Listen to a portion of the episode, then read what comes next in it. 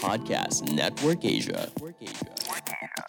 Halo, kalau kamu sedang mencari kebutuhan untuk anak, ibu, atau untuk keponakan, bisa langsung cek kebutuhan serba ada. Flash sale 3 kali seminggu dan cashback sampai dengan 100 ribu rupiah spesial untuk ibu dan bayi di Tokopedia Parents.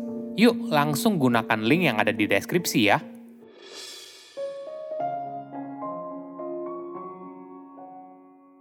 Ketika kamu ingin mengubah hidup, mungkin kamu perlu belajar untuk jadi optimis. Halo semuanya, nama saya Michael. Selamat datang di podcast saya, Sikutu Buku.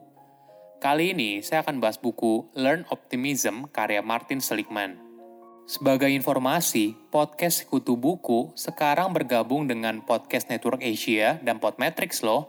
Sebelum kita mulai, buat kalian yang mau support podcast ini agar terus berkarya, caranya gampang banget kalian cukup klik follow. Dukungan kalian membantu banget supaya kita bisa rutin posting dan bersama-sama belajar di podcast ini. Buku ini membahas cara mengubah hidup melalui pikiran yang lebih positif. Apa yang buat sebagian orang menjalani hidup lebih mudah daripada orang lainnya? Atau kenapa ada sebagian orang yang jauh lebih sehat dan lebih sukses daripada orang lain? Mungkin kita berpikir kalau mereka adalah orang yang lahir dengan keberuntungan. Tapi, apakah kamu pernah sadar kalau keberuntungan yang mereka miliki karena mereka punya pandangan yang lebih optimis tentang hidup? Ini adalah konsep yang dijelaskan oleh Martin yaitu learn optimism. Dengan belajar melihat hidup dengan lebih optimis, pintu peluang tanpa batas akan terbuka lebar. Saya merangkumnya menjadi tiga hal penting dari buku ini. Yang pertama, apa itu learn optimism? Learn optimism adalah konsep yang relatif baru di cabang ilmu psikologi dan dikenal sebagai psikologi positif.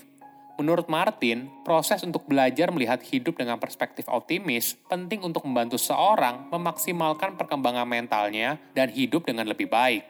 Namun pertanyaannya, apakah konsep ini bisa dipelajari? Apakah kau bisa belajar untuk menjadi orang yang optimis?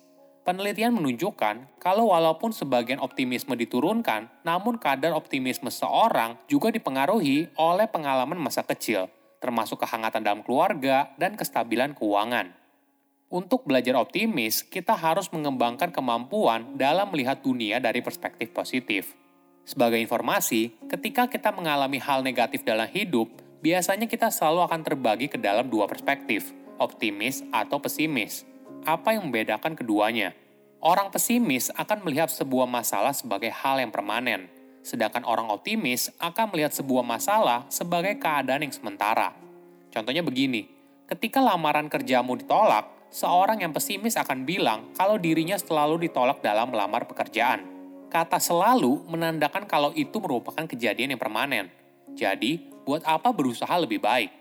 Sedangkan orang yang optimis akan bilang, kali ini saya ditolak, tapi lain kali saya akan diterima.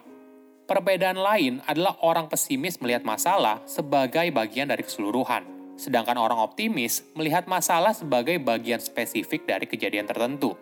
Misalnya begini, seorang siswa yang pesimis mendapatkan nilai yang jelek karena merasa gurunya memberikan nilai yang tidak adil. Namun, dia menggeneralisir kalau semua guru di sekolah itu tidak adil dalam memberi nilai. Akhirnya, malah dirinya sulit untuk lulus ujian. Beda halnya dengan siswa yang optimis. Ketika dia mendapat nilai jelek, dia mungkin berpikir kalau guru tersebut tidak adil, namun tidak bagi guru yang lain. Perbedaan terakhir adalah seorang pesimis melihat sebuah kejadian buruk disebabkan oleh dirinya, tapi ketika ada kejadian baik, dia merasa kalau itu disebabkan oleh faktor eksternal. Sedangkan seorang optimis melihat dengan cara yang kebalikan. Sebagai contoh, ketika kamu ditinggal oleh pacarmu yang sekarang, Orang yang pesimis melihat kejadian ini karena dirinya yang tidak cukup baik. Sedangkan orang yang optimis melihat kejadian itu karena pacarnya saja yang belum siap untuk berkomitmen. Jadi, lebih baik putus daripada saling menghabiskan waktu satu sama lain. Kedua, manfaat dari optimis. Kenapa menjadi optimis itu penting? Ternyata, menjadi seorang optimis itu punya banyak manfaat. Dari tingkat sel tubuh, orang optimis sering kali punya sistem imun yang lebih kuat. Ada sebuah penelitian dilakukan kepada tikus dalam kondisi tidak berdaya. Hasilnya, dalam kondisi tersebut, tikus itu memproduksi sel T dalam jumlah yang sedikit. Sebagai informasi, sel T adalah sel yang penting untuk sistem imun. Studi lain pada pasien kanker kepala dan leher menunjukkan pasien yang optimis kalau mereka bisa sembuh memiliki kualitas hidup yang lebih baik sebelum atau sesudah pengobatan. Menariknya, orang optimis cenderung lebih sehat daripada orang pesimis. Orang optimis yakin apa pun yang dilakukan punya dampak pada kesehatannya.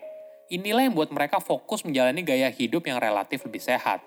Sedangkan orang pesimis cenderung masa bodoh karena mereka merasa apa pun yang dilakukan tidak akan mengubah apa pun. Selain kesehatan yang lebih baik, ternyata orang optimis cenderung punya karir yang lebih baik. Kenapa ada orang yang sepertinya punya karir yang sukses, sedangkan yang lain karirnya mandek? Ternyata, hal ini punya korelasi dengan narasi mereka sendiri. Orang yang optimis cenderung tidak menyerah ketika menemui kegagalan atau penolakan. Ingat, di awal tadi sudah dibahas, kalau orang optimis melihat hal negatif sebagai sesuatu yang sementara, tergantung kondisi, dan merupakan faktor eksternal. Jadi, kegagalan dan penolakan yang dihadapinya tidak akan buat seorang optimis mundur dan menyerah Hal ini akan sangat terasa apabila seorang bekerja di bagian penjualan yang banyak berhubungan dengan penolakan. Narasi yang kita berikan ke dalam diri akan menentukan apakah kita sukses atau tidak. Sebagai contoh, proses rekrutmen dari sebuah perusahaan asuransi bernama Metropolitan merekrut 5.000 agen setiap tahun. Walaupun prosesnya sangat panjang dan ketat, setelah 4 tahun bekerja, 80% dari mereka mengundurkan diri. Martin juga menemukan hal yang menarik dia memproses penerimaan agen asuransi yang walaupun secara tes kognitifnya di bawah standar industri, namun memiliki skor dalam tingkat optimisme yang tinggi. Hasilnya, karyawan yang optimis karirnya justru lebih baik daripada karyawan yang dites hanya berdasarkan keahliannya saja.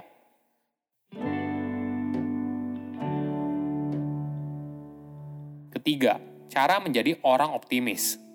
Bagaimana cara kita berubah dari orang yang pesimis menjadi orang yang lebih optimis? Martin memperkenalkan formula ABCDE, adversity, belief, consequence, disputation, dan energization. Adversity adalah sebuah situasi yang membutuhkan sebuah respon. Belief adalah bagaimana kita menafsirkan sebuah peristiwa. Consequence adalah cara kita berperilaku, merespon, atau merasakan. Disputation adalah usaha yang kita lakukan untuk berdebat atau membantah keyakinan awal yang kita miliki. Yang terakhir adalah energization, hasil akhir setelah kita berusaha membantah keyakinan awal. Oke, sekarang kita coba aplikasikan formula ini ke dalam dunia nyata ya. Coba pikirkan situasi terbaru kamu yang berkaitan dengan adversity. Mungkin ini berhubungan dengan kesehatan, keluarga, pekerjaan, atau tantangan lainnya. Misalnya, kamu sedang memulai jadwal olahraga baru, namun kesulitan untuk membuatnya menjadi sebuah rutinitas. Lalu kita masuk ke tahap belief. Catat semua pikiran yang muncul ketika kamu memikirkan situasi tersebut. Cobalah untuk jujur dan tidak perlu berusaha menutupinya. Mungkin saja pikiran yang muncul seperti ini. Saya memang tidak bisa mengikuti jadwal olahraga yang rutin atau saya tidak pernah bisa mencapai tujuan yang diinginkan. Ketiga, perhatikan konsekuensinya. Apa konsekuensi dari pikiran tersebut? Apakah pikiran negatif ini membuat kamu menjadi sulit untuk olahraga rutin? Mungkin saja hal ini membuat kamu jadi sering bolos olahraga. Jangan berhenti sampai di sini, lanjutkan ke tahap berikutnya yaitu dispute. Bantah keyakinan lamamu. Coba lihat lagi pikiran negatif apa yang muncul, lalu buktikan kalau pemikiran itu salah. Misalnya, kamu pernah kok, bahkan sering olahraga teratur selama berapa saat. Atau ketika kamu membuat sebuah tujuan, lalu berhasil. Terakhir adalah energization Perhatikan apa yang kamu rasakan setelah kamu membantah pemikiran awalmu. Mungkin setelah kamu memberikan beberapa narasi positif, sekarang kamu merasa lebih termotivasi dan bersemangat. Cara pandang kita tentang hidup akan menentukan hidup kita seperti apa. Orang yang optimis akan melihat dunia sebagai pintu peluang tanpa batas. Saya undur diri, jangan lupa follow podcast Sikutu Buku. Bye-bye pandangan dan opini yang disampaikan oleh kreator podcast, host, dan tamu tidak mencerminkan kebijakan resmi dan bagian dari podcast Network Asia. Setiap konten yang disampaikan mereka di dalam podcast adalah opini mereka sendiri dan tidak bermaksud untuk merugikan agama, grup etnik, perkumpulan, organisasi, perusahaan, perorangan, atau siapa pun dan apa pun.